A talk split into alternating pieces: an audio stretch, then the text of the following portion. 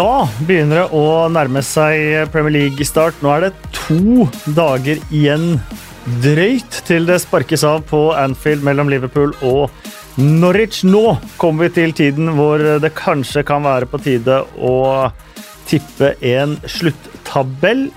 Jeg bomma selv på ligamesteren forrige sesong. Er ekstremt usikker denne sesongen om. Vi får se hva podkasten har landa på til slutt. Det er et drøyt døgn igjen av overgangsvindu når du hører denne podkasten. Også mye kommer til å skje, og mye har skjedd. Og så har det vel skjedd ganske lite for Øyvind Alsaker de siste ukene, kanskje, sammenlignet med hva som pleier å skje i løpet av de ni månedene Premier League faktisk er i gang. Ja, det, var, det har vært to måneder, to fotballfrie måneder faktisk, eh, nesten på, på dagen. 10. juni var jeg på Færøyene. Uh, og 9. august er jeg på Anfield. Det er um, to kontrastfylte jobber, men veldig morsomme på hver sin måte. Men det har ikke skjedd så mye Det har ikke vært så mye å catche opp på. Det har ikke vært så vilt med overganger som det jo pleier å være i Premier League, så det har gått ganske greit å komme à jour så er jo ofte somrene Det skjer jo mye på somrene òg ofte. Det er EM, det er VM, det er andre ting. Ja. Nå har du fått slappa skikkelig Ja, det var veldig nødvendig, da. For det året som gikk, var jo eh, ekstremt på alle mulige måter. Både hjemme og, og ikke minst i jobb, med både Champions League, landslag i tillegg til Premier League. Sant? Det blir jo en det er jo noe du bare Ja, selvfølgelig, det må, vi, det må vi få til. Men det er klart, når hverdagen kommer, og det er, det er helg og så tirsdag, og så onsdag, og så hjem torsdag, og så er det jammen England igjen på Og så kommer endelig den uh, landslagsuka når alle andre bare legger beina på bordet og sier 'yes', frihelg. Så nei, da er det Ljubljana og Larnaca og, og Torshamn. Så uh, det, det, har vært uh, too much, egentlig. Så um, to måneder nå, da bør selv denne gamle skrotten være klar for mer fotball. Ja, for er, er, det sånn du alltid har det nå, at det klør skikkelig i fingra og bare lengter etter å komme i gang? Eller er det ekstra etter en sånn uh, sommer? Ja, du, du har jo uh, kanskje bygd opp enda litt mer sånn sult enn du rekker i et VM-år, f.eks. Det er jo helt åpenbart. Men uh, men jeg har alltid hatt det sånn at uh, takket være denne herlige jobben, at uh, der alle andre liksom gruer seg veldig til august og denne starten, da, mm. så har det alltid vært forbundet med glede for meg. Altså. Og sånn er det fremdeles.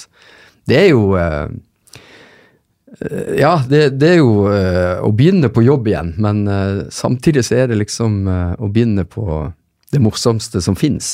Starten av Premier League-sesongen er jo liksom ja, den, den, har et eller annet magisk over seg. Eh. De kaller det jo silly season, men det er jo ikke altså det, Jeg syns jo sommeren den er jo ikke så dum som navnet skulle tilsi. for det, Nei, men det er jo den de to månedene der du kan liksom drømme mm. helt fritt, mm. der det er blanke ark.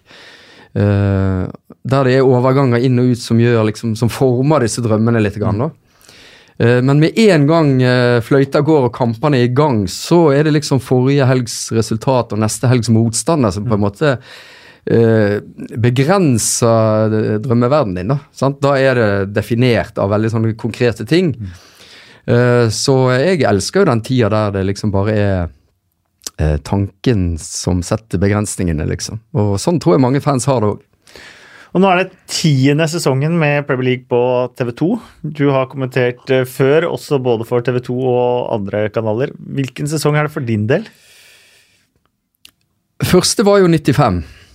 Uh, men så var det jo to sesonger uten uh, inni her, så det, det blir hoderegning. Jeg har aldri talt så veldig. Jeg har ikke antall matcher jeg har gjort, eller antall Nei. ditt eller datt. Men uh, vi er vel bare 25 eller et eller annet sånt, ja. Så det, det har jo sett Nei, det er jo, jeg har jo sett uh, Steven Gerrard uh, debutere og legge opp, på en mm. måte. Altså, jeg har jo et veldig sånn spenn i i uh, engelsk fotball, da. og det blir man jo klar over når man ser disse som slo igjennom på slutten av 90-tallet, som liksom er for gamle nå, da. det gjør en seg sine tanker, men samtidig så er jo det Det er jo et flott perspektiv å ha, da. Da har man jo sett det meste. Mm. Ja, definitivt. Jeg eh, Ja, det er vel egentlig oss to et par til egentlig som har vært med hele veien med, med TV 2. Så det blir mm. min tiende sesong òg. Jeg merker at det er en av de tingene jeg er veldig sånn, stolt av å ha vært med, vært Ja. med hele den reisen med, med TV 2. Eh, tenker du også en sånn slags stolthet også over at du, du både er med, du er eh, måte nestor for, eh, i, i TV 2 også på kommenteringa. Du, Ja. Alt du har opplevd underveis. Ja, selvfølgelig. Jeg var jo med å starte TV 2, du må huske på det. Jeg var eh, på kurs i Bergen eh, sommeren 92. og vi skulle lage TV for aller første gang. Så det er klart at mine følelser til TV 2 er jo sterkere enn mange andre, selvfølgelig. Det, sånn er det jo når du eh, har sett uh, ei tid der det var stup og skyt og lyset gikk og Men det som alltid har vært i TV 2, er jo en voldsom go, altså. Og særlig sporten syns jeg har klart å og bevare den gjennom eh, alle disse årene og alt som har skjedd. Én ting er at Premier League-fotballen har endret seg, og det er annerledes å være manager i dag enn det var på tidlig 90-tall, når spillerne gikk på pub etter kamp og kanskje ikke ga seg før det var ny trening dagen etter. Eh, Men jammen har det jo skjedd eh, saker og ting i, eh, i vår verden òg. Store omlegginger, utskiftninger, endringer. Eh, Men det at TV 2 har eh, klart å bli en så sentral aktør på sportsrettigheter i Norge, det er jo sånn naturstridig nesten. eh, I en tid der alle tenker at uh, nå er det Amazon eller Google eller et eller annet multinasjonalt uh, selskap som på en måte støvsuger all, alle rettigheter, da, så står jo TV 2 ufattelig sterkt. Og det gjør meg jo veldig stolt å få være med på på den fotballsatsinga vår, eh, og litt sånn rørt, fordi det eh, er stas at TV 2 lykkes eh, i dette markedet. Og vi er jo så heldige. sant? Live idrett er det som samler folk foran TV-en. sant? Det må, der må du gjerne sitte sammen med flere. Det, det må du se live. Det er ikke en pod du kan høre på når du vil, eller en, en serie som du bare kan slå på og binge en kveld. sant? Dette, er, dette skjer her og nå. og At det fenger og fascinerer folk så til de grader. altså Seertallene rundt eh, VM og osv. er jo bare helt fantastiske. Det er jo veldig kult. Det er jo kjempegøy og eh, Ja, nei, det inspirerer. ja. Fra 95 til i dag. Eh, massevis av stadioner som ikke eksisterer eh, lenger. Noen av de eh, er erstattet med fantastiske byggverk. Andre erstattet med modulstadioner, og noen har blitt eh, plastikkboller etter hvert eh, også. Topp tre stadioner som du har kommentert på, enten av eksisterende eller tidlig eksisterende. Du kan få lov å nevne fem, og skal du slippe å rangere, kanskje. Det blir enklere. Ja, nei, altså for meg er det eh, det- vil alltid være Anfield, det vil alltid være St. James' Park, eh, vil jeg si. Og så er det litt sånn vanskeligere igjen, da. Jeg vil kanskje nevne Upton Park her, altså. Eh, eller Ball and Ground, for de som foretrekker det. Uh, uh, hvis du ser klipp fra en match på den stadionet, eller du ser et ja, hvis du ser et klipp fra den stadion eh, 2015 eller 16, og Westham slåss om Champions League-fotball, og de slo City og Liverpool, og de slo veldig mange storlag hjemme, så, så kunne det bildet vært tatt eh, på 70-tallet. Altså, det, er det er liksom den her eh, Ja, den der nostalgien som fremdeles lever da, i, eh, i den arenaen, da. Og kanskje det er òg litt sårt, fordi de jo har flytta til en veldig fin arena, men som på en måte ikke har noe av det der rundt som gjør det til et, til et sånt vellykket valg, i hvert fall sånn på kort sikt. Så får vi jo se.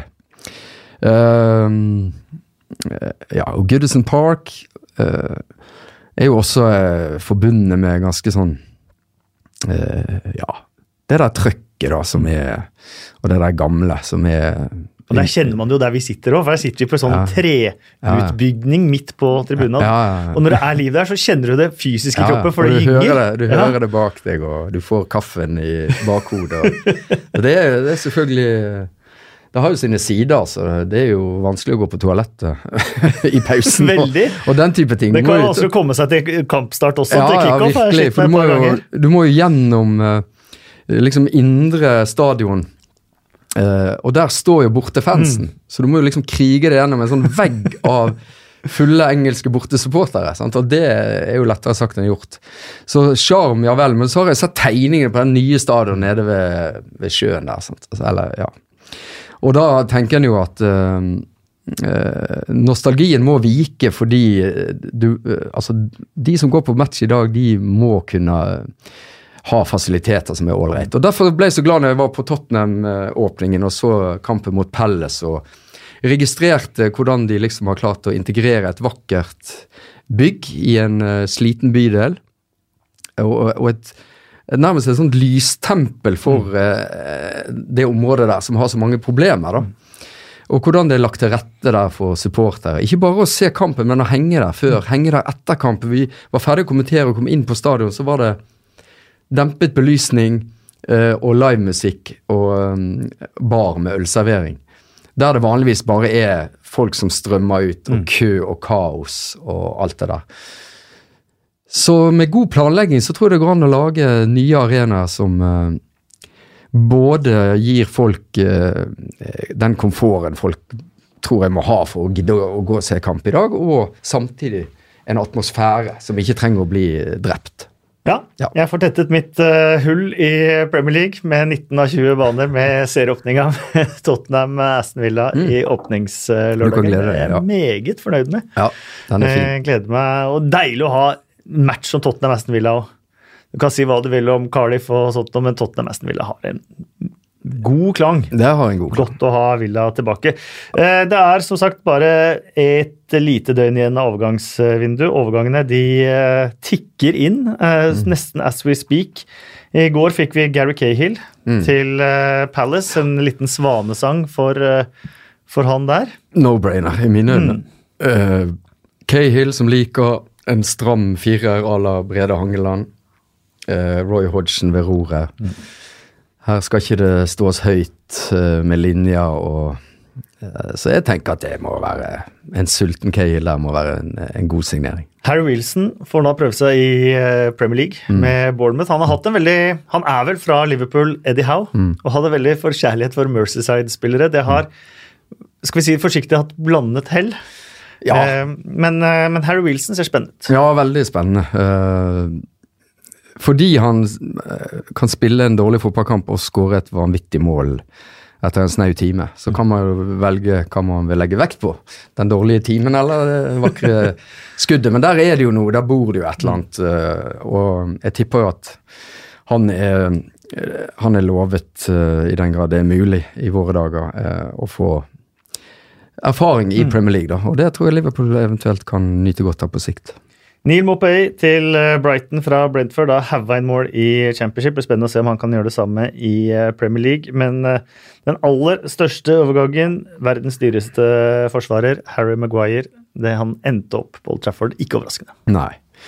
Um, ja, og den prislappen vil jo alltid skape enorm diskusjon. og og mange overskrifter. Ehm, men han er en god signering. Det er på en måte mitt utgangspunkt her. Han er en spillende midtstopper, han er en autoritet på banen. Han, er, han har eh, lederkvaliteter, han er en dødballfyr. Han vinner nesten alltid lufta. Så han, eh, han gjør jo at den backfiren til Manchester United plutselig ser veldig, veldig bra ut. Ja, Om det da er verdt 80 eller 150 millioner pund, som det sikkert kan komme opp i hvis du tenker seks år og, og lønn osv., det, det er et spørsmål det nesten er umulig å få svar på. Uh, Wayne Rooney må vi også bare innom retur til engelsk uh, fotball. Rio Ferdinand mm. mener at uh, hans langtidsmål er å bli manager i Manchester United. Da må man begynne et sted. Drar dit Frank Lampard hadde må siden han gjorde en meget god jobb i Derby forrige sesong. og Ben Rooney tar samme veien, kommer til Derby i januar mm. som spillende tredje under Philip Cocu. Mm. Ja, altså Rooney har jo liksom lagt noen alen til sin vekst, syns jeg, da, som, mm. som person, altså. Sånn, han var jo sett på som veldig enkel og og stocky og talented, liksom. Det var, men det slutta egentlig litt der, da. Men så klarte han jo Han klarte jo å stå løpet i United ganske bra og ble liksom den der uh, all time leading goal scorer i en sånn klubb. Sant? Det er liksom Det er respekt, det. Altså, han uh, Ja, han virker som han har modnet som uh, type. og han har jo Han har jo selvfølgelig masse å fare med.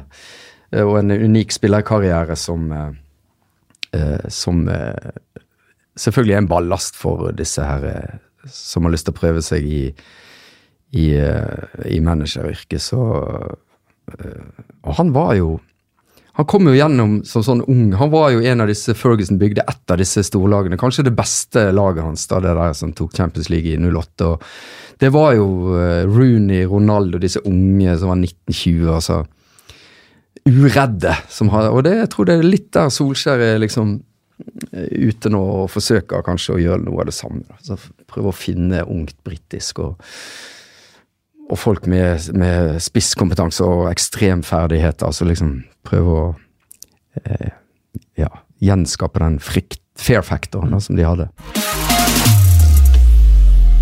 Da eh, svinger vi oss inn Eivind, på det jeg tror mange har gleda seg til. Som eh, man ofte har inntrykk av at betyr nesten mer enn sluttplasseringen, nemlig eh, tabelltipset. Eh, vi gjør det sånn at eh, podkasten, eh, dvs. Si meg, har satt opp et tabelltips. Mm. Går vi kjapt gjennom lagene med plassering, og så får du nesten Vurderingen av lagene er jo kanskje enda viktigere enn hvor vi plasserer de på tabellen. Mm. Men er du veldig uenig med noen av mine plasseringer, så får du rope ut om, om det. Mm. Dette blir min sluttabell. jeg har følt meg langt sikrere på mange ting enn jeg har gjort denne sesongen, og det er litt deilig. Jeg føler både i topp og i bunn så kan det mm. skje ganske store omveltninger. Jeg har sagt det en stund nå, topp seks. Jeg tror ikke det er skrevet i stein for alltid, og dette kan fort være at eh, sesongen Big Six ikke havner på de fra én til seks. Eh, uten at jeg får se om jeg tør å tippe noen av Big Six utenfor, eh, utenfor de plasseringene. Og så også i bånn så er det det er mange sterke lag som fort kan klare seg. og er, Jeg syns det er vanskelig å se de åpenbare nedrykkskandidatene med et kanskje par, par unntak. Men jeg begynner på 11, så tar vi 10, så tar vi 12 og så tar vi 9. Mm. Så sparer vi konfekten helt til eh, slutt. Mm.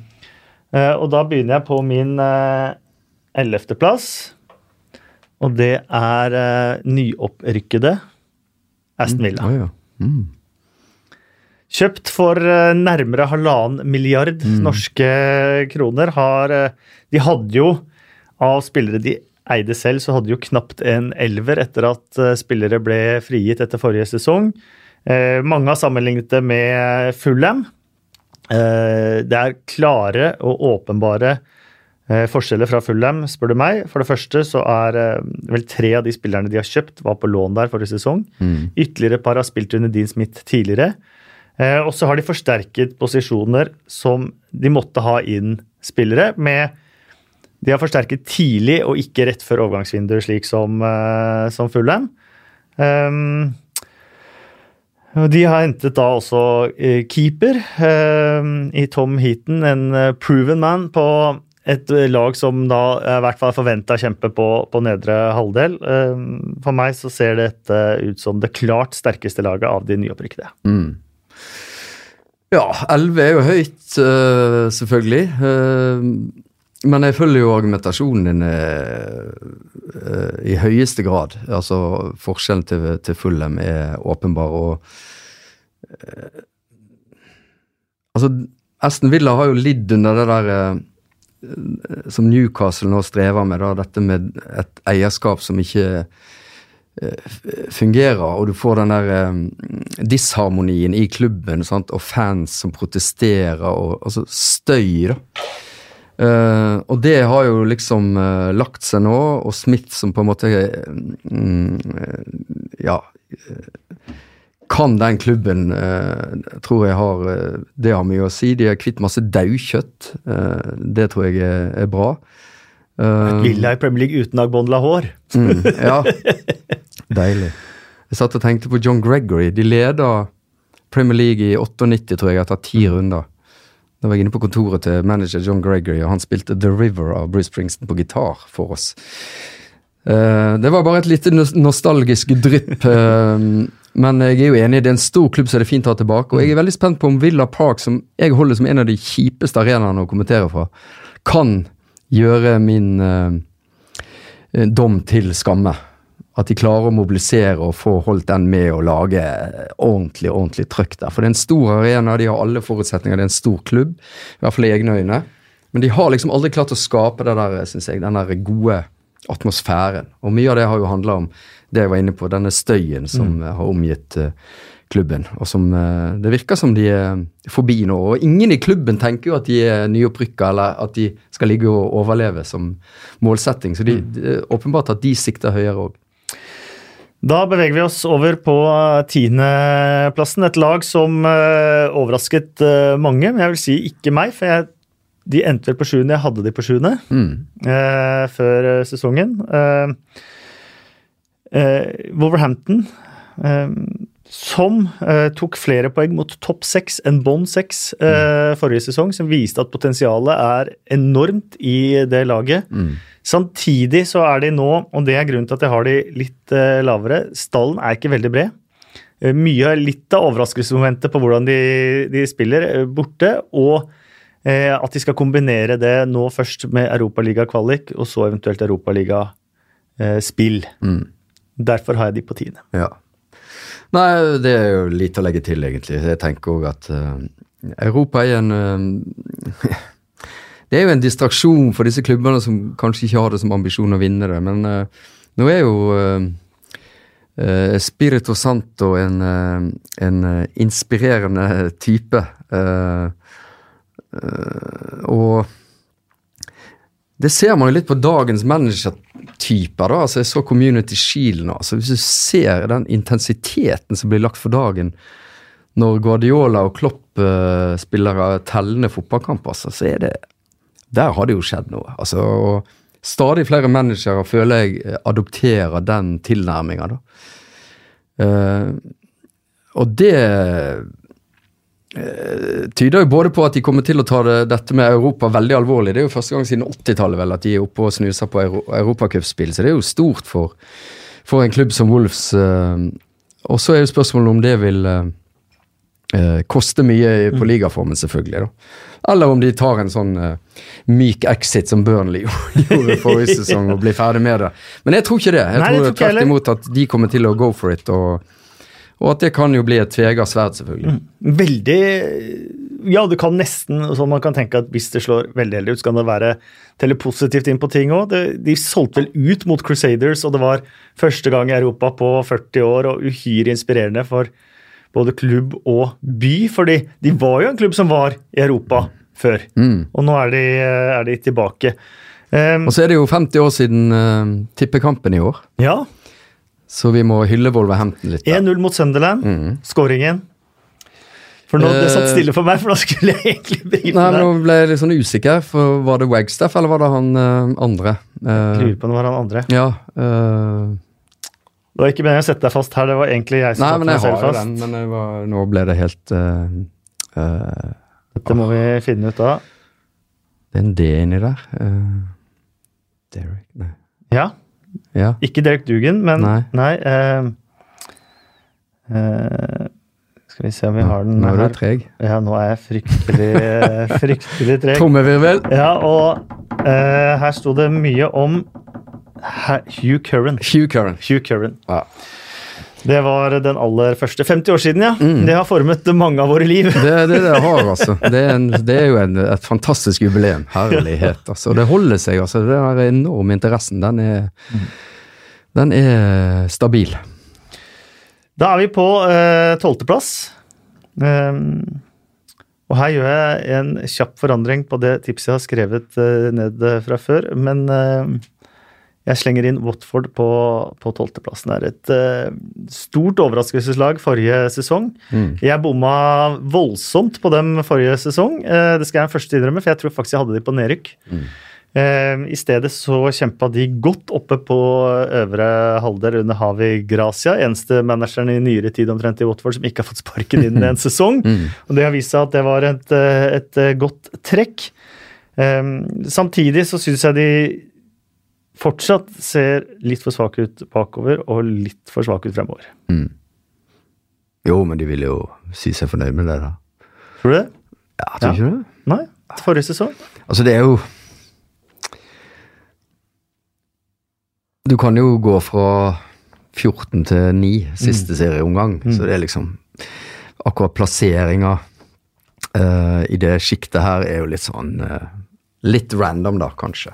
Det er det. Um, Men det- jeg ser de klamrer seg til Dokoré, og de, de virker jo som de ikke har tenkt i hvert fall å, å selge seg helt ut av uh, enhver diskusjon. Da. Så, og ja, det er vel uh, først og fremst bak, kanskje. Jeg tenker at det Craig Dawson er inn. Han har både spilt bra og rykka ned før, han. Men eh, typisk i den leia der, ja, spiller. Det, ja, det er jo det, altså. Eh, men uh, all ære til Gracia og Watford. Når de liksom eh, Når det spiller av de, så er det Det er ganske kult. Det er det. Det er det. Eh, Da beveger vi oss opp igjen til eh, niendeplassen, og her syns jeg det er eh, vanskelig for meg. Så er det Vi er inne på de fire lagene som jeg snakket om i podkasten tidligere også, som kanskje eh, kan bryte opp denne topp eh, topp seks. Eh, Wolverhampton er nevnt, og på niende så har jeg inn Leicester. Mm.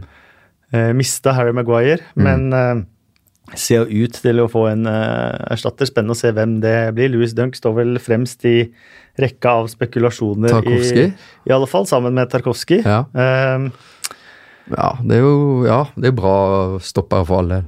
Et ungt og fryktelig spennende lag, Mm. og spillere som har på en måte hatt mye potensial, men som endelig ser ut til å få det ut da, under Mm. Brendan uh, Rogers. Uh, Hamstad Chowdhury fikk jo vise seg også fram på slutten av forrige sesong. Uh, endelig en slags Kanté-erstatter også. Ja, Ndidi jeg syns jeg Mm. ja, langt på vei tok det steget forrige sesong. Uh, og Leicester har jo, sant, de ble jo ligamester for tre år siden, har jo slitt med på en måte å komme seg videre derfra. sant? Identiteten deres eh, var dette laget. sant? Det var disse to stoppene som bare sto der. Det var Schmeichel i buret, det var Lincoln, Mares eh, var det, og så var det liksom eh, Drinkwater, Canté som, som var et maskinrom som eh, mange eh, misunte de. Og så forsøkte jo Ranieri å sjonglere med dette her og liksom gjøre seg klar for Europa og hente inn eh, spillere som eh, ikke var noen eh, åpenbar suksess, og så endte jo det laget opp i eh, sånn altså det var Jeg husker han la om mot United til tre bak på et tidspunkt. der Det tok 20 minutter før spillerne skjønte hva, hva de skulle gjøre. Så det, det endte jo liksom i fullstendig fadese. da. Jeg, jeg opplever jo at de liksom har liksom strevd med en identitet etter den 2015-16-sesongen, men at de nå begynner å finne den. Og Rogers tror jeg er veldig riktig mann. altså Godt bilde på ikke på Rogers nødvendigvis, men på Leicester nå. Da var jo denne bortekampen mot City. Sant? Der du, du ser liksom de kommer til Etihad, et et lag som slåss om ligatittelen, som er så suverene og som må vinne hjemme. Og, og de skaper altså ganske store problemer med sitt eget spill. Da. Og det er jo litt sånn, De har jo disse her eh, ballspillerne som eh, Og at de klarte å, å signe han Tilemans, det Mm. synes jeg var veldig morsomt. da, for det ja, Det er jo kult at talentene spres litt i Premier League. Så ja, Leicester altså det, det er big ask, det der topp seks å slå ut i. Og mange har prøvd, altså. Og mange har gått fullstendig vill i forsøket. For det er et eller annet med Jeg vet ikke. øhm, hva slags klubb er du, og hvis du plutselig får et feil selvbilde der og begynner å agere som om du er noe helt annet, så har det hatt en tendens til å backfire da, ganske kraftig. Men Leicester har jo eh, i mine øyne kvaliteter som eh, gjør de i stand til å være der oppe hvis ett av disse seks lagene får en feil sesong. Det, det må jo til. Det må jo til. Da beveger vi oss eh, ned igjen til 13.-plassen bak eh, Watford. Der har jeg Southampton. Et eh, Southampton som hadde kanskje sin verste ikke kanskje, hadde sin verste sesong etter at de ble en Premier League-klubb igjen. Eh, Sparket Mark Hughes, fikk inn Ralf Hasenhuttel. Og igjen, litt sånn som Leicester, fikk spillere man har hatt forventninger til, til å blomstre. Nathan Redman hadde hvis det endelig hva han har å by på i eh, Premier League, sin desidert beste periode under eh, Hasenhuttel. Che Adams virker som en spennende spiss. Mm. Målskårere har, de- har de slitt med. Um, Veldig. bør ha en mer komfortabel sesong enn forrige sesong, tenker jeg. Mm. Bak der, da? Ja, det er jo selvfølgelig Topplag er det ikke når man tipper de ned på, ned på 13. 13. plass der, men Men Hasenhyttel har jo eh, Ja, har skapt et eller annet, en eller annen go der som mm. Ja. Nei, det er sikkert eh, Det er sikkert et greit eh, utgangspunkt, det. Greit utgangspunkt. Eh, Everton, eh, et lag som definitivt eh, sikter på etter hvert å bli en eh, toppklubb. Eh, Nyheten om det nye stadionet har vi pratet om. Det kom i løpet av eh, sommeren. Har jo hatt et akademi som har fått opp mange spillere og, og brukt mange spillere og fordelt spillere utover i championship og, og andre klubber også.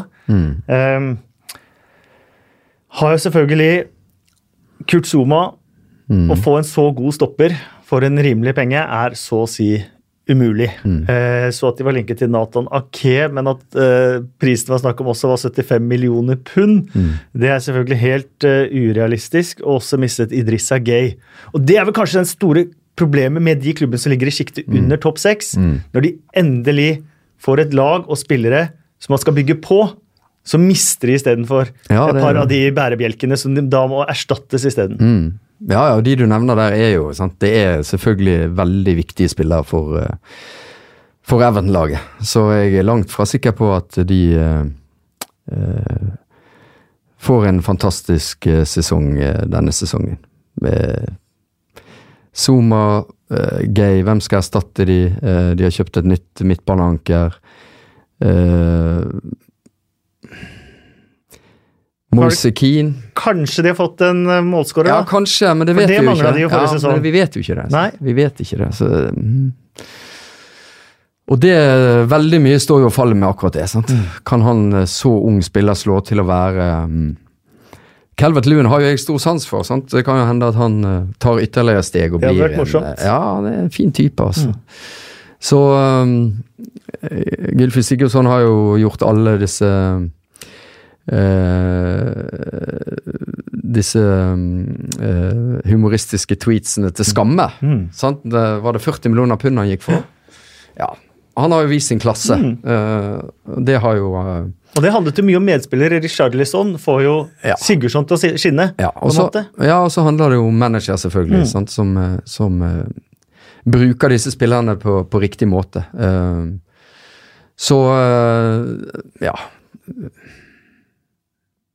Men det er et sjikte ned fra 6 til 10-11 der som er vanskelig. Det er selvfølgelig veldig vanskelig. Men eh, det, det handler jo om hvem som kan slå seg inn her. Og da, da tenker jo jeg at uh, de fleste vil være enig i at Wolves, Leicester, Everton og Westham er de fire lagene som kan, mm.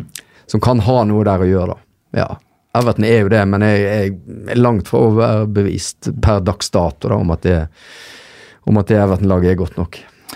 Da går vi ned igjen til plassen under Southampton. Der har jeg satt uh, Burnley.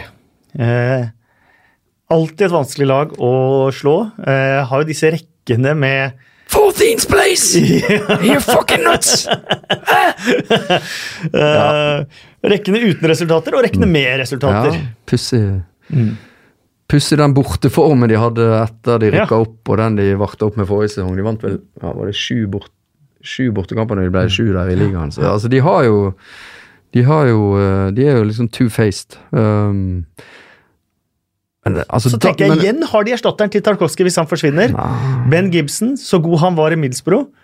Han var vel til og med inne i en engelsk landslagstropp der uten å som få spille, og så Det virker som Daesh hver gang får, Ja. får en stopper, så blir han landslagsaktuell. Altså, at Mm. han klarer å løse det der. Da. Altså, De har jo en veldig sterk identitet Mm. gjennom han.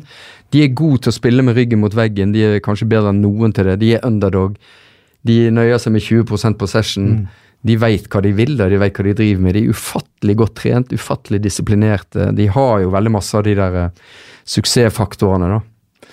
Men uh, igjen, uh, om det holder til 14 til 9 til eh, Går det galt med litt skader og sånn, Ja. så er vi jo plutselig nede og snuser på verre ting. Men uh, de har Turf Moor. Der er det vondt å være for alle andre lag. Og, Og tørt for de beste lagene. Ja.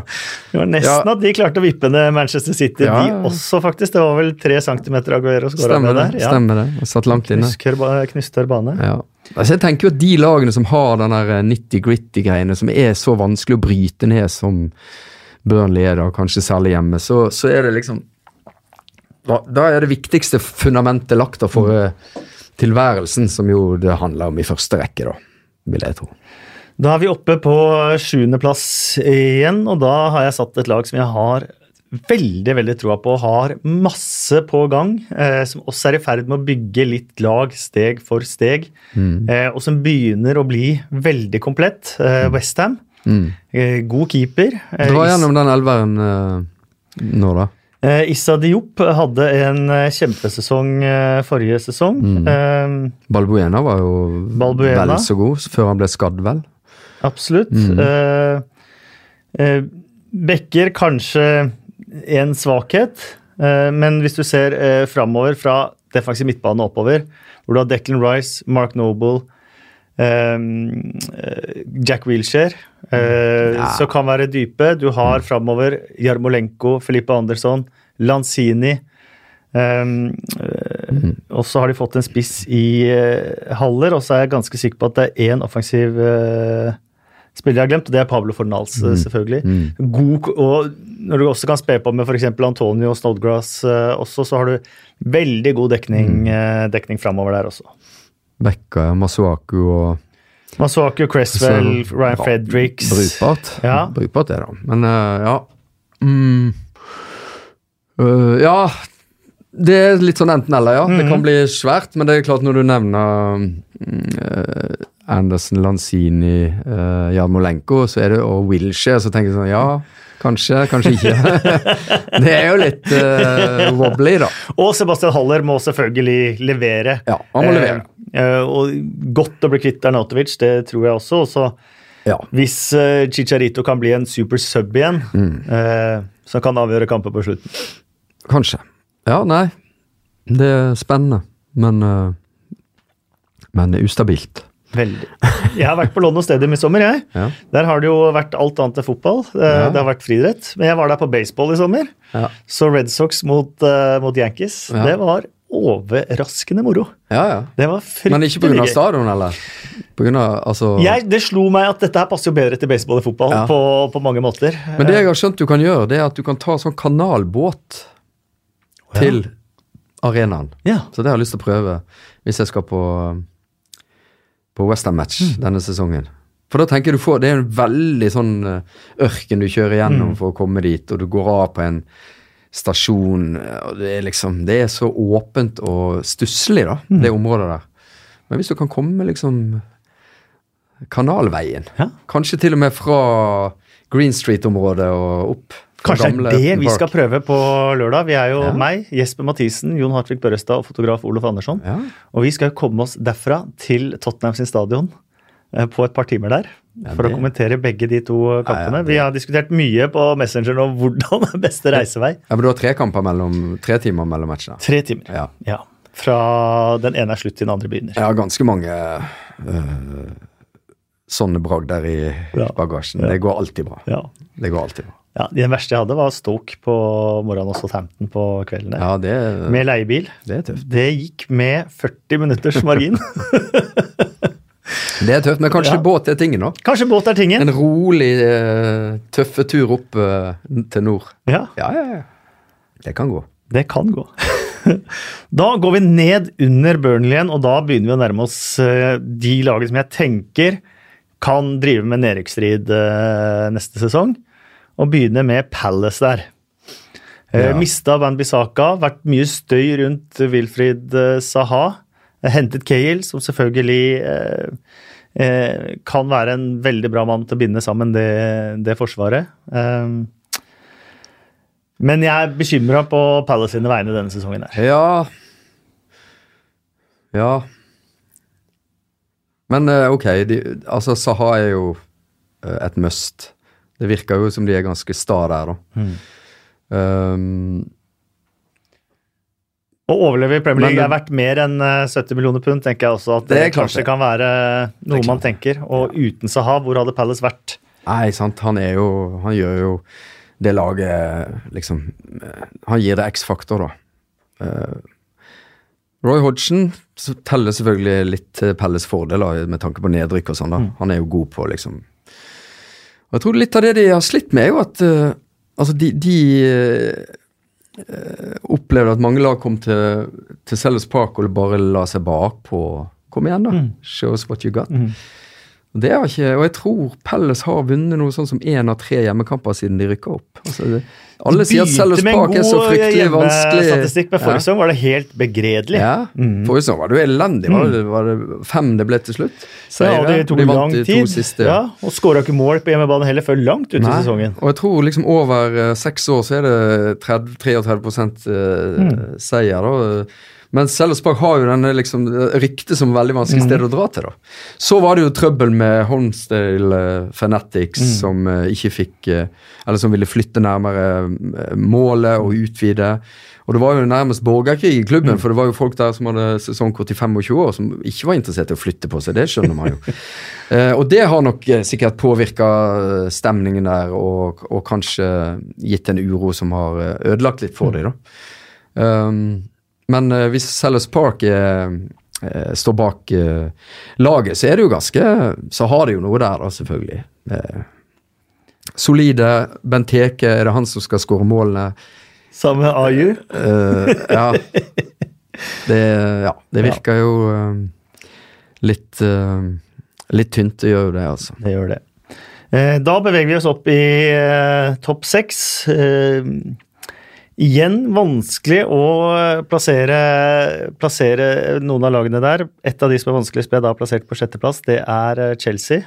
Mm. Um, ikke så mye pga. signeringsnekten, men med tapet av det som har vært deres desidert beste spiller gjennom så mange sesonger. Et, eh, en Eden Hazard som man har sett Chelsea med og uten, og uten har det til tider for meg virket som et helt midt på treet Premier League-lag, med et uh, lag som kan, uh, kan kjempe helt i toppen. Mm. Ja, nei, det er jo åpenbart uh, det som er det store spenningsmomentet, da. Sammen med en fersk manager, selvfølgelig.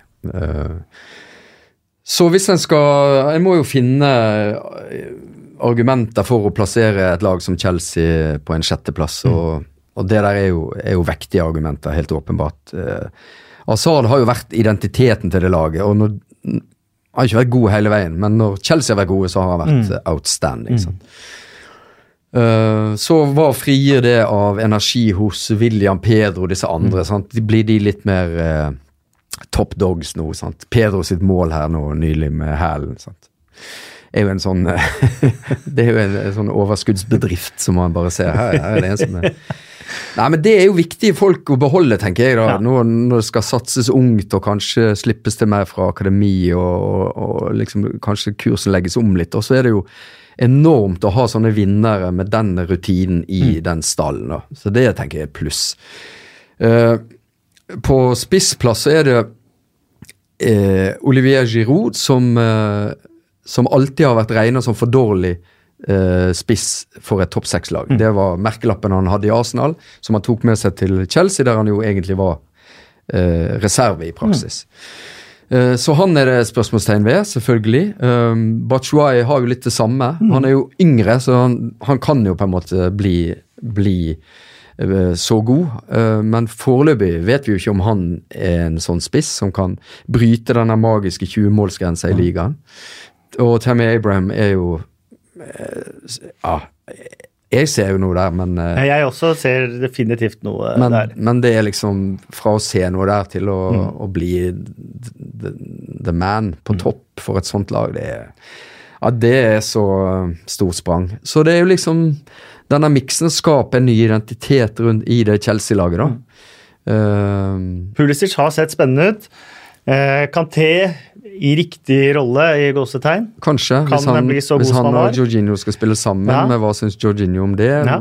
Blir det liksom kluss for han å liksom dele Eller kan han frigjøre seg det? Kanskje. Liksom? Ja. Altså For meg så, så kan det jo fungere som en dynamisk duo. Kanté har jo Mm. lagt noen alen til eh, spillet sitt under Sarri. sant? Han er jo blitt en mer eh, Han har jo en del eh, Når han går fremover også, han har jo liksom holdt på med det en stund. Så de, det kan jo bli dynamisk Mm. mellom de to. Absolutt.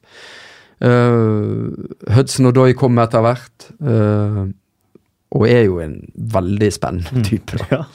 Så det er klart, der er jo masse sånn eh, Ja, og den Altså, alle ungdommene Chelsea har alltid har hatt, Hvis flere, ja, hvis flere av de kan få spille fotball, og de skal bygge et lag, og det er en ny tilnærming på Stamford Bridge nå, så, så er det spennende. Og da er jo det, denne sesongen selvfølgelig litt sånn avgjørende for, for Lampard. Mm. Om han får den tida. Og hvis han får den, så kan de bygge noe veldig spennende der. Da. Og bak er det vel òg Rydiger mangler vel en periode eh, nå. og Men det er like mye å velge mellom der og så tenker jeg det med Frank Lampard, det han gjorde i Derby, han overraska meg. Mm. Eh, Jeg synes han Ja. gjorde langt bedre enn man kunne forvente. Han nærmest halverte snittalderen i laget òg. Mm. Han var ikke redd for å bruke verken lånespillere, egne unge Mm. spillere, og tok dem til playoff-finale. Det var veldig, veldig sterkt. Og så sier han jo sånn I don't need new players. Mm. Jeg elsker å høre det. Selvfølgelig, det, ja, det må jeg jo si, for han kom jo inn på de betingelsene osv., men likevel. Altså, det er Og hans standing øh, Ja, den er jo enorm, og ja. Men øh, selvfølgelig, du skal finne svakheter hos øh, seks tittelkandidater.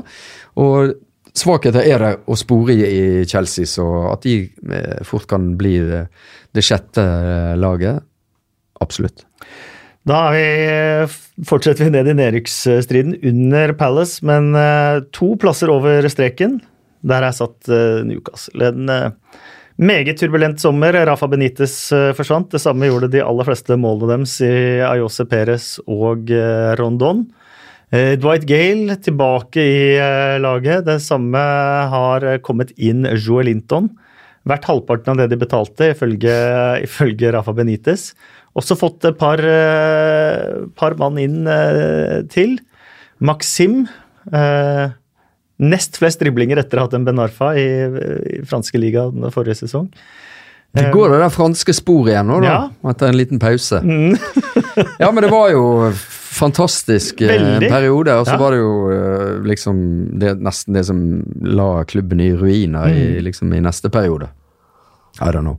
Jeg tror bare at eh, her er det rom for uh, Her putrer det godt under lokket, altså. Og Newcastle er fort en sånn klubb som kan rykke ned, altså. Og havne grise grisesist på tabellen, Ja. tror jeg, da. Fordi at uh, det Bruce inn Det er ikke begeistring, tror jeg. Uh, Ashley er der ennå. Det der upopulære eierskapet er sånn gift, Ja. altså.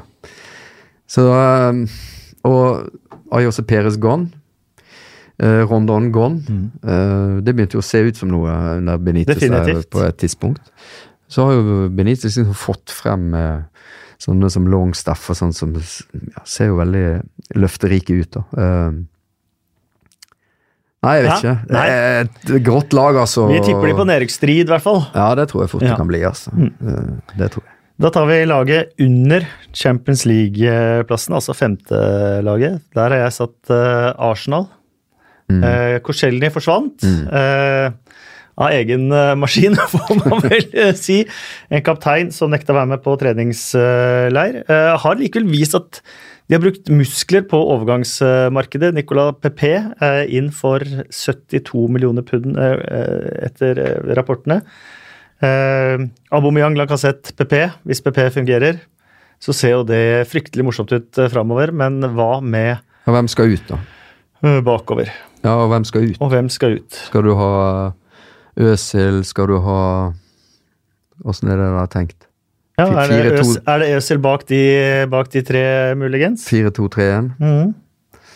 Uh, Sjaka og Torreira. Mm. Guendouzi. Nei, jeg vet ikke. For meg er jo det da litt uh, Altså, nå er jo, snakkes det om Rogani og Hvis de ikke kjøper stopper, så Nei, da er det Da er det Altså, kan det være så vanskelig? Ja. Jeg vet ikke. Wenger holdt jo på med det der. Altså, de, all, alle ropte på stoppe, alle ropte på midtbanespiller, så kom det en nummer ti. Hver gang. Hvert år. En ny nummer ti. PP er en sånn sensational sesong i, i league A. Ja, det kan være gull, men eh, det er ikke 100% sikkert, da. Nei. Eh, jeg har jo sett litt på han. Det er jo spennende. Sånn der uh, fart, venstrebeint, høyrekant, målfarlig. Det er jo masse der. Skal vi tenke at ni av målene av de 22 forrige sesong også var straffer? Ja, Så ikke det er helt feil. Det kan hende, ja. Mhm. Men Så- ok. Uh, nei, jeg, s- ja, jeg er spent på balansen her. Men de må ha en midtstopper, eller så kan de glemme topp seks, tror jeg. Eller uh, i hvert fall uh, glemme den femteplassen. Ja. Ja, Da tror jeg de er svakest av de seks lagene. ja. Eh, en jeg gleder meg veldig til å se, hvis han får sjansen, er Joe Willoch. Mm. Han, eh, det jeg har sett av han, ser ekstremt spennende ut. Kanskje blir han istedenfor PP. Kanskje det. Da er vi på de som eh, kan puste svært lettet ut på en 17.-plass. Eh, jeg har satt Bournemouth. Ja vel. Eh, føler kanskje at det har vært nære at den proppen har dette litt ut eh, de siste sesongene. Og så har man fått gode rekker, eh, og så har man på en måte eh, levert positive sesonger, men det er en bitte liten klubb i et veldig, veldig stort eh, hav. Eh, som selvfølgelig har gode spillere i Ryan Fraser, i Callum Wilson, god stopper i Nathan Ake. Eh, mangler keeper, helt åpenbart. Det burde ord- ordnes. Brooks. Eh, Brooks, selvfølgelig, som Wow. kommer tilbake. Wow, helt enig. Wow. Um, King. King. Ja, absolutt. Så mange vil nok kanskje være uenig i min plassering av Bournemouth der. Jeg tror de blir en stor skuffelse denne Ja, det kan hende. Det er jo litt sånn der um, Ja, slitasjen samme manager. Altså. Det kan være noe der, men Howe er jo hylla som en sånn ung og progressiv og nytenkende mann. og eh, De har vel en veldig klar identitet, i hvert fall, som eh, bør kunne hjelpe de. Eh, Men hva gjør de på keeperplass, f.eks.? Begovic Boruc rullerte jo etter hvert, og ja. ingen Ingen var gode nok, så kommer han unggutten inn. Holdt nullen i, serieopp, i sin debut mot Tottenham. Så slapp han vel inn fem eller seks kampen etter. Ja. De går jo på de der stygge smellene, da, ofte Ja. Mm. mot, litt sånn naivt kanskje, mot en del av de beste osv. Men det er kanskje prisen å betale for å gjennomføre da, sin eh, filosof, filosofi. da. Uh, ja. Nei, Bournemouth kan bli 17, kan bli 9. Mm. Så vi i et lite, lite utropstegn ved Aaron Ramsdale når vi snakker om eh, keepere, mm. som spilte for AFC Wimbledon forrige sesong. eh, og var vel antageligvis League Ones beste keeper. Jeg, var, eh, jeg tror han har de verktøyene som trengs for å etter hvert bli en toppkeeper, men eh, det er nok kanskje litt tidlig å kaste han inn eh, som det i, eh, i Premier League nå. Mm. Fjerdeplassen har jeg satt eh, Manchester United. Ole Gunnar Solskjær. Og det Da klarer er han det det, så har vi vel Solskjær hele sesongen. Ja, det har han jo, da. Mm. det vil jo være akseptabelt for alle. Mm. En suksess. Eh, ja Uh, Mange avskriver jo United, da. Uh, det spørs jo litt hva slags United er det du liksom har, legger som utgangspunkt. Er det det vi så i januar-februar, eller er det det vi så i, i mars-april? Det er jo spørsmålet, egentlig, du må stille. Eh, og, og de tegnene vi ser, er jo eh, at det er harmoni, at de eh, spiller bra, bra energi, godt trent. Vært samla hele preseason, ikke noe sånn late arrivals. Så alt det der virker jo å være ganske eh, på plass. Så kan ikke lese for mye i, i sommerresultater og sånn, men, men for, akkurat for Solskjær så tror jeg det betyr en del, da. Mm. For det er klart det har vært mye Det har vært mye head-scratching for å finne ut hva som gikk galt eh, eh, den våren der. For det gikk så fullstendig galt. Men jeg Eh, det i podkasten før. uh, og det er det det er, Vi kan snakke om at det er harmoni. I en sommer som starta med at Pogba skulle selges ifølge Raiola, uh, som har fortsatt med at Lukaku eh, ikke har møtt på trening. Eh, nå har han fått 400 000 pund i bot for å gå AWOL. Eh, det har vært mange faktorer der, så, eller mange miner Solskjær kunne ha tråkka på, men som han har manøvrert veldig veldig pent gjennom. Ja, jeg syns det, altså. De Gea eh, ble landa, veldig viktig selvfølgelig. Maguire og Wambisaka gjør jo at den backfiren ser jo ja, den ser jo solid ut. Eh, så tror jeg jo hovedproblemet for Solskjær, som helt sikkert er en frustrasjon, det er jo at det er altfor lite ut. Mm. Eh, og Lukaku er ikke en spiller du vil ha Nå eh, skjønner jeg på Solskjær at Martial er mest aktuell som spiss. At han er best der, det mener Solskjær. Um, og da eh, da vil ikke du ha Lukaku der. Og han ville vil jo være et sånn forstyrrende element. Selv om han var lojal gjennom våren, og selv når han skjønte at han var andrevalg osv., så, videre, så så tror jeg det blir et problem. Og det er jo litt av eh, utfordringa her, sant. Maguire kommer inn og skal rett inn i laget og helt sikkert starte mot Chelsea. så vidt Jeg kan, jeg kan ikke skjønne noe annet. Uh, Smalling, Jones, uh, Rojo, Tuansebe, uh, Bailly skader, men alle de er jo der. Det er jo sju midtstoppere der. Ja, det skulle vært lufta mer mm. i Manchester United, men jeg syns uh, ja, Det å få på plass den grunnmuren etter uh, alle de baklengsmålene, verste defensive sesong på 40 år, mm. Uh, det, var, det, var, avgjørende. Mm. Og nå, han, nå, kan han spille ut bakfra i større grad, med Maguire som kommer dra, dra av tre mann til og med, på vei framover. Mm. Så det gir jo en uh, annen dynamikk i det laget, da. Uh, Wambi Saka gjør jo en del feil. Han er jo ung, men han retter jo nesten opp alle feilene. da. Mm. Det jeg er usikker på, er om han James liksom slår til. Men kan han ikke slå til på sikt? han kan det... slå til på sikt, ja. absolutt. Han, han har kan... vært det. Han har uh, stor fart, mm. og, men han er liten og lett. altså. Han han er veldig liten og lett. Og jeg har påpekt det før òg, det er ikke mer enn et drøyt år siden. Og nå blir det to år siden. da. Han ble sendt hjem fra Shrewsbury uten å få spille, for han var ikke bra nok til å plasse på, på det laget. Men det er jo, eh, jo full av sånne. Ja, ja. Nei, det kan ikke vi bruke mot ham. Nei, jeg kan ikke bruke det mot ham, men det er litt apropos. Ja, ja, ja, absolutt. helt apropos. Han er jo en billig signering som du egentlig ikke kan vente skal gå inn og løfte det laget i, i sånn kjempestor grad. Men det, jeg lurer på, skal Pogba nå spille som én av to sittende i en sånn dynamisk duo der han har frihet til å gå, og, og at de da bruker en nummer ti, som jo har vært Lingard eller Pereira mye i sommer. Eh, det er interessant at han tweaka litt Pogba, for du så jo når motstanderne begynte å skjønne at hvis vi bare sender to mann i strupen på Pogba, mm. så mm. får jo ikke Rashford én ball å jobbe med. Eh, PSG demonstrerte det effektivt på Old Trafford, og flere fulgte opp, for å si det sånn. Ja. Så um, det, det, er interessant. Men en Christian Eriksen inn der og sånt, så begynner man jo å tenke at ja, dette laget kan jo faktisk bli eh, veldig bra. Mm. Mm. Eh, da er vi under streken. Mm. Da har vi eh, også et nyopprykket lag.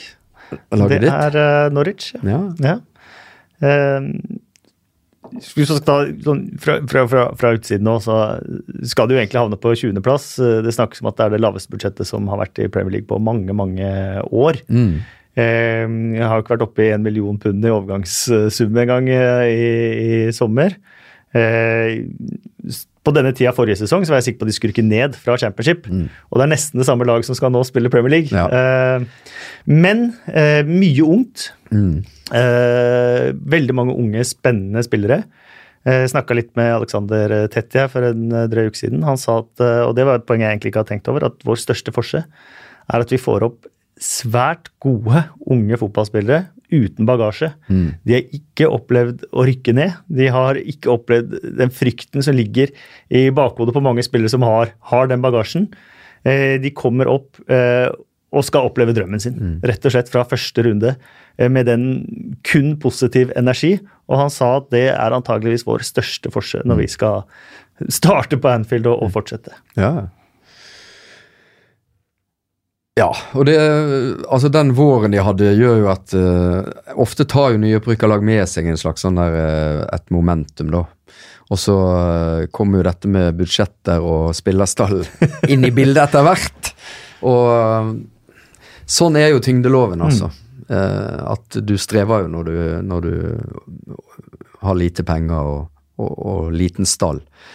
Um, det interessante er, et, er et, også et lag med veldig definert spillestil. Ja, men er den... Uh, men er den, den overførbar? Ja. Det er jo det også. Det stilte jeg spørsmål til manageren ja. nå. for uh, Han har jo hatt det postulatet med 'dominate by possession 90 mm. minutes every game', og det mm. kan de ikke gjøre i, i, uh, i Premier League. Man sa jo allikevel også at å komme til Anfield Vi skal ikke parkere bussen, men vi skal ikke være naive. Vi skal spille vårt spill. og ja. Vi kommer ikke til verken drøye tid eller noe annet. Vi, vi vil spille spille fotball også på Anfield, og det kan jo gi noen utslag som 5-0 til Liverpool, f.eks.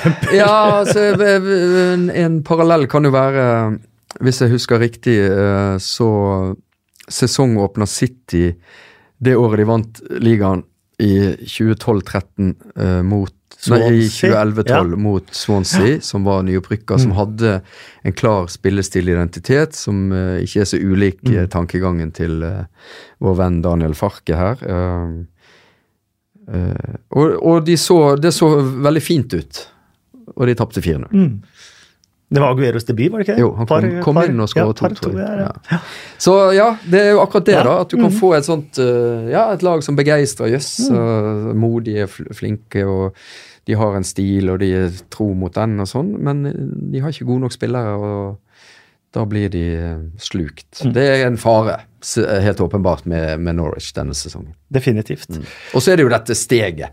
Altså han Pukki kan han liksom bare fortsette å skåre mål i, i, eh, på et hakk opp, liksom. Ja, og det er spennende, fordi han har, jo, han har jo hatt et navn som har gjort at både Sevilla og Schalke tidligere har, har henta han, Ja. og sett at han kunne gjøre noe der, Ja. uten at han har fått det til. Så nå får han denne, denne sjansen her, da. Og tidligere lagkompis av van Dijk. Ja, ja. Celtic. Men det, kjenner det, hverandre godt. men det er jo uh, Ja, men det er jo det store spørsmålet med alle disse nyopprykka lagene, er jo uh, uh, egentlig spørsmål nummer én hvem skal skåre målene. Og veldig ofte handler jo det om kan Ja, vi husker jo Grant Holt, sist de var oppe. Ja, han skåra som var det. Han skåra jo både på Anfield og Old Trafford. Vet. tror han endte på 14 ligamål Ja, ja. var nest mest uh, skårende engelskmann etter Wayne Rooney. Ja, så han gjorde det. Så, han- så det men det vet du aldri. Nei. Mange av de der står med to mål når sesongen er slutt. To mål, altså. Mm. Skåra 28 i championship. Ja. Så det skjer noe der. Ja, det blir Ja. spennende. Ja. Trøsten for Norwich får være at uh, de hadde vel eh, en haug av andre spillere som lå tett opp til tosifra eller på tosifra også. Ja, ja. Uh, Det er jo å spre det litt, det er ikke Mm. dumt. Nei.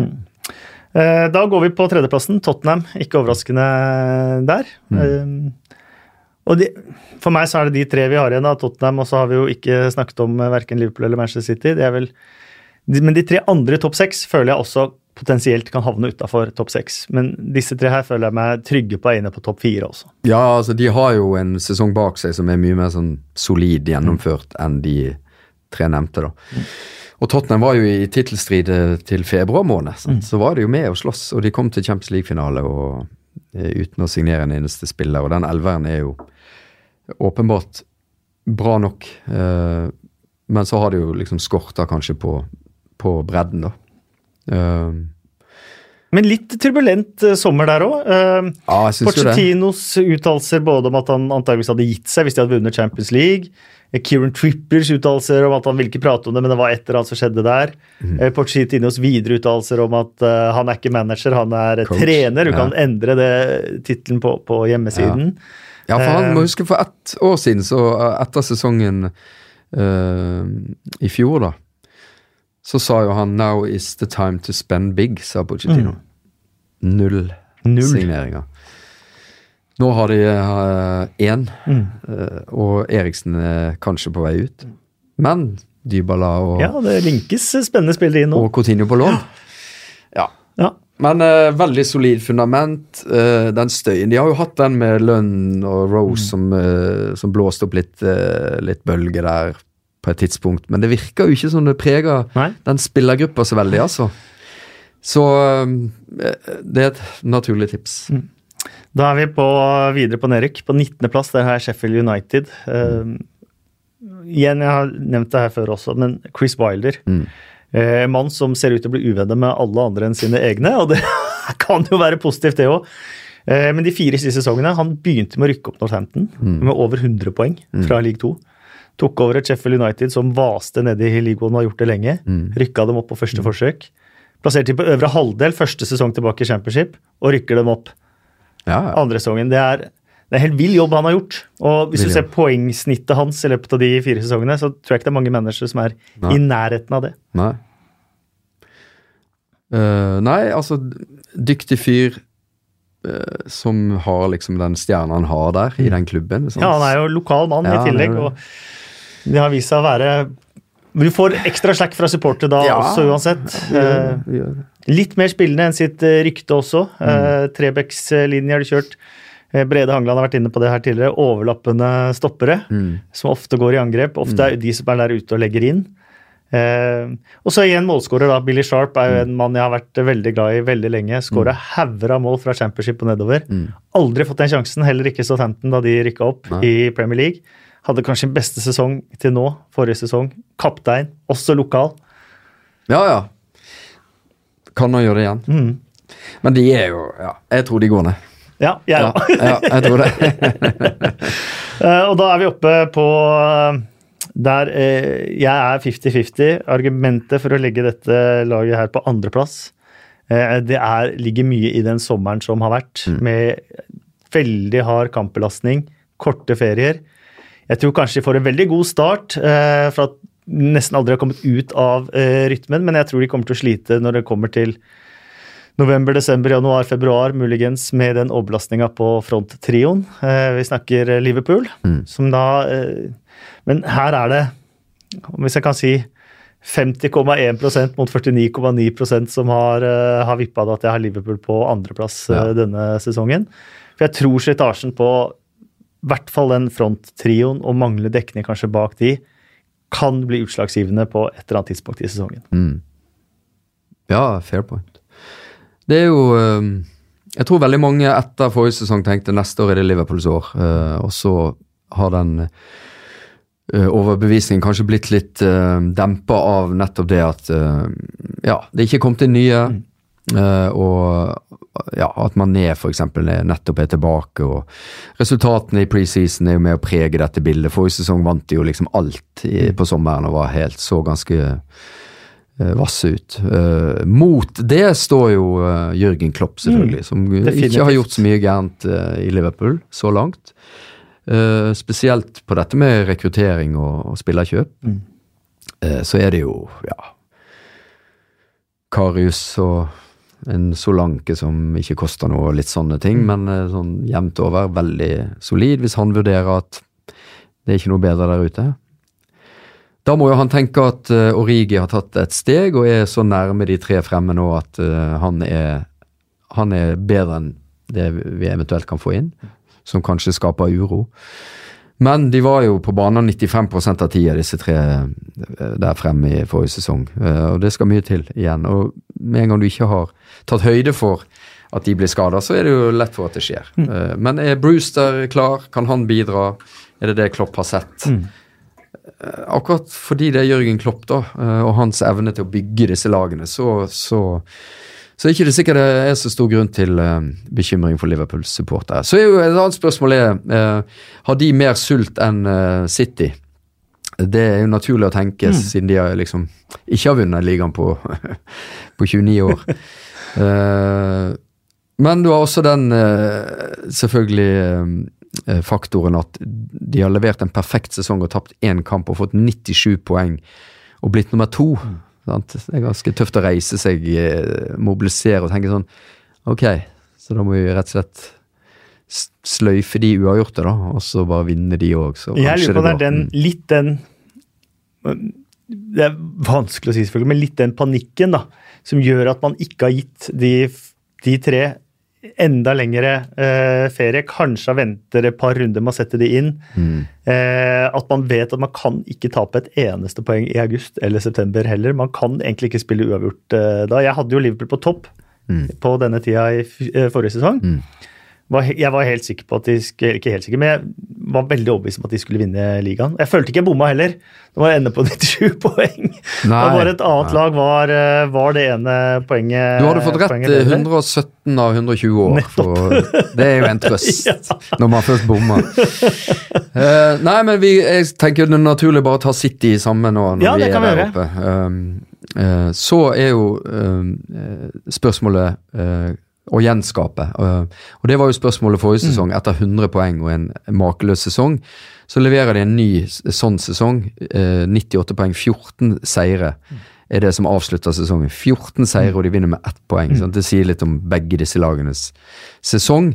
Og hvis du så Community Shield-matchen og så den intensiteten de spillerne legger for dagen, så skjønner man jo at det er ingen hviledager under Pep Guardiola. Eh, og Ferguson er vel den eneste, tror jeg, som har tatt tre strake. I hvert fall i Premier League. Og jeg tror ikke det er så mange som har gjort det historisk heller.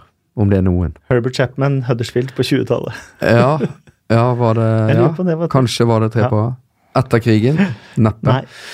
Eh, men Pep Guardiola kan pulle det off, tror jeg, altså. Fordi han Det er så nådeløst, det regimet der. Eh, og så lenge de vinner, så tenker jeg slitasjen, som jo åpenbart følger med her, eh, den er til å leve med, da. Mm. Når, du, når du ser at shit, altså, vi herjer, vi vinner. Eh, fokuset på Champions League kan kanskje spille inn. Ja, det er jo i så fall argumentet mot City nå, da. At det er, det er den som er den hellige gral nå, for, uh, i hvert fall for klubben. Det er jo det. Det er jo det. Eh, Det er jo europeisk herredømme de, de, de mangler da, å drømme om. sant? Nå Mm. har de jo på en måte befesta seg som ener i England. Så kan det bli Pep Guardiolas siste år, det er jo mange som spekulerer i.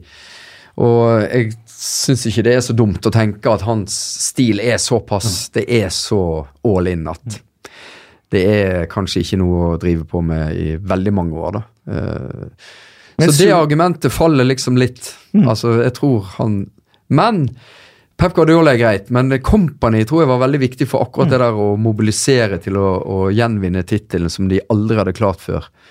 Uh, han er borte òg. Mm. det taler mot City. og Det andre som taler litt imot City, det er at uh, bærebjelkene i det laget er gamle. David Silva er 33, vel. Eh, Fernandinho er 33-4. Mm. Aguero blir vel 32 i løpet av sesongen, eller i neste sommer. Så det er der Liverpool har alle i, i liksom beste alder, Mm. så har eh, City veldig avgjørende spillere som er drar på årene, da. Så kan du si ja, men det generasjonsskiftet går smooth, for De Braune er tilbake nå og er i sin beste alder. Bernardo Silva, outstanding. Rodrin. Eh, og Rodrin, som er en spansk landslagsspiller i tilfelle Fernandino må spille litt stopper osv. Så, videre. så det er jo Det virker som det kan bli en ganske eh, smooth eh, generasjonsskifte der, da. Så det er vanskelig å finne, finne argumenter mot City igjen, altså. Det er det. Eh, Og så har Liverpool her i Qatar, og disse her cupene ingen ja, bryr det seg har de om. også i Og, og litt sånn der uro Ja. Mm. for- sånn, med de tingene der, som kanskje ikke betyr noe, men som i hvert fall Mm. ikke gagner de, tror jeg. Men hadde du spurt supportere etter forrige sesong, de aller fleste hadde bytta. Både Manchester City-supportere og Liverpool-supportere hadde bytta Premier League mot Champions League. Men vi så andre omgangen på Wembley at uh, Altså, det, det var Firminos første minutter, vel, og det var ikke mye gærent der, så Nei, det var, og det var helt sjukt hvordan også Klopp klarte å respondere på, på Ja. Manchester City og, og, og gjøre de grepene i pausen som gjorde at denne kampen skifta helt, helt karakter. Ja, det var spennende. Ja, det var det gøy var å se. altså. Det var, eh, Som Community Shield var det jo all time high. altså. Ja, det Nettopp fordi det var de to lagene med den sesongen bak ja, det var litt den Arsenal-Manchester United-vibben. Ja, Da de også hadde det Ja. ekstreme, den ekstreme rivaliseringa og den community-skilden som Ja. både ga røde kort og ja alt ja. eh, mulig. Så det var litt, ja, det var litt tilbake tøft. til den. Det var, det var kult. Så det er. Det er de to det kommer til å stå om etter all sannsynlighet. da. Ja. Med mindre det selvfølgelig blir noe stygge ting. Skader. Men jeg tenker òg Robertson. Ingen sånn åpenbar cover. Eh, skal du nøye deg med Milner eller en ung? Altså mm. Det blir fort en skade når du ikke har gjort noe. Når Norwich rykker ned neste sesong, så kommer Jamal Lewis Ja. i sommervinduet. Ja, jeg har hørt mye bra om han. ja.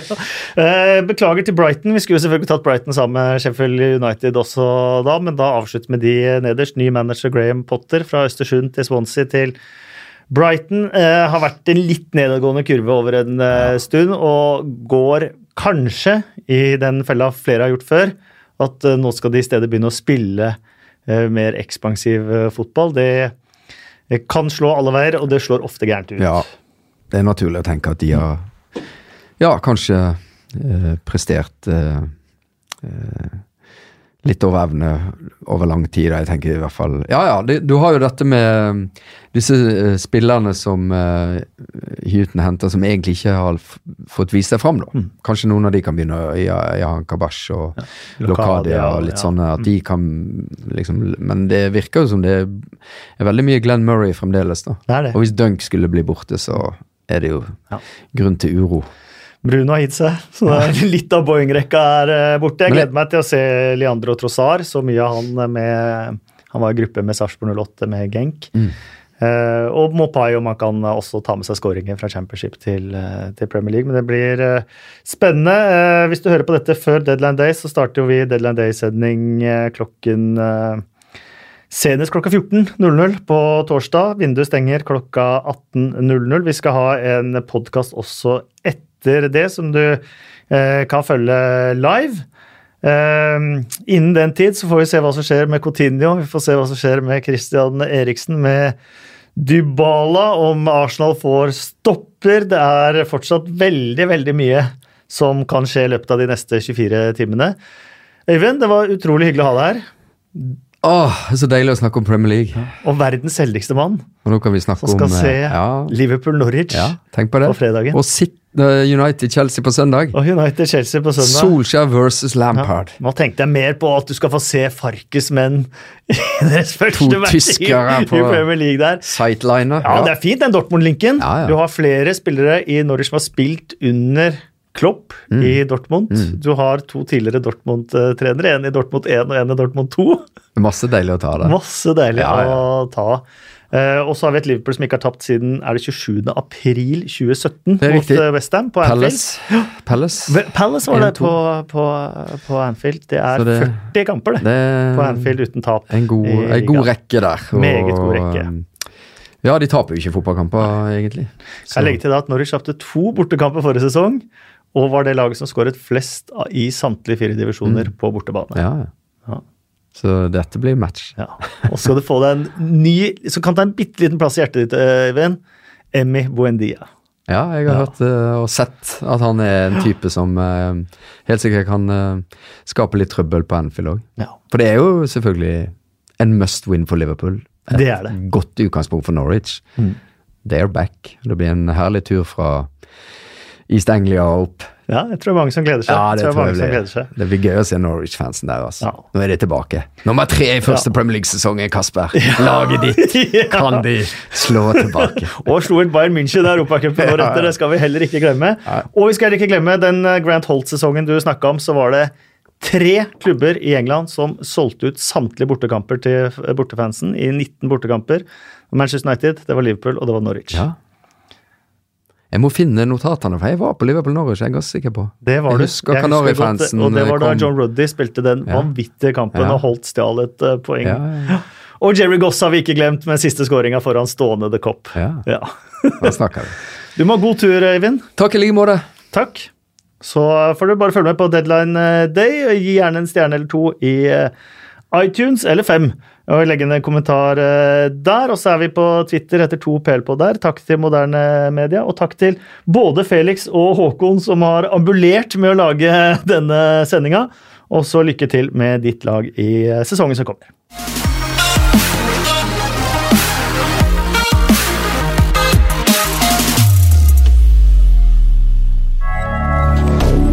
Moderne media.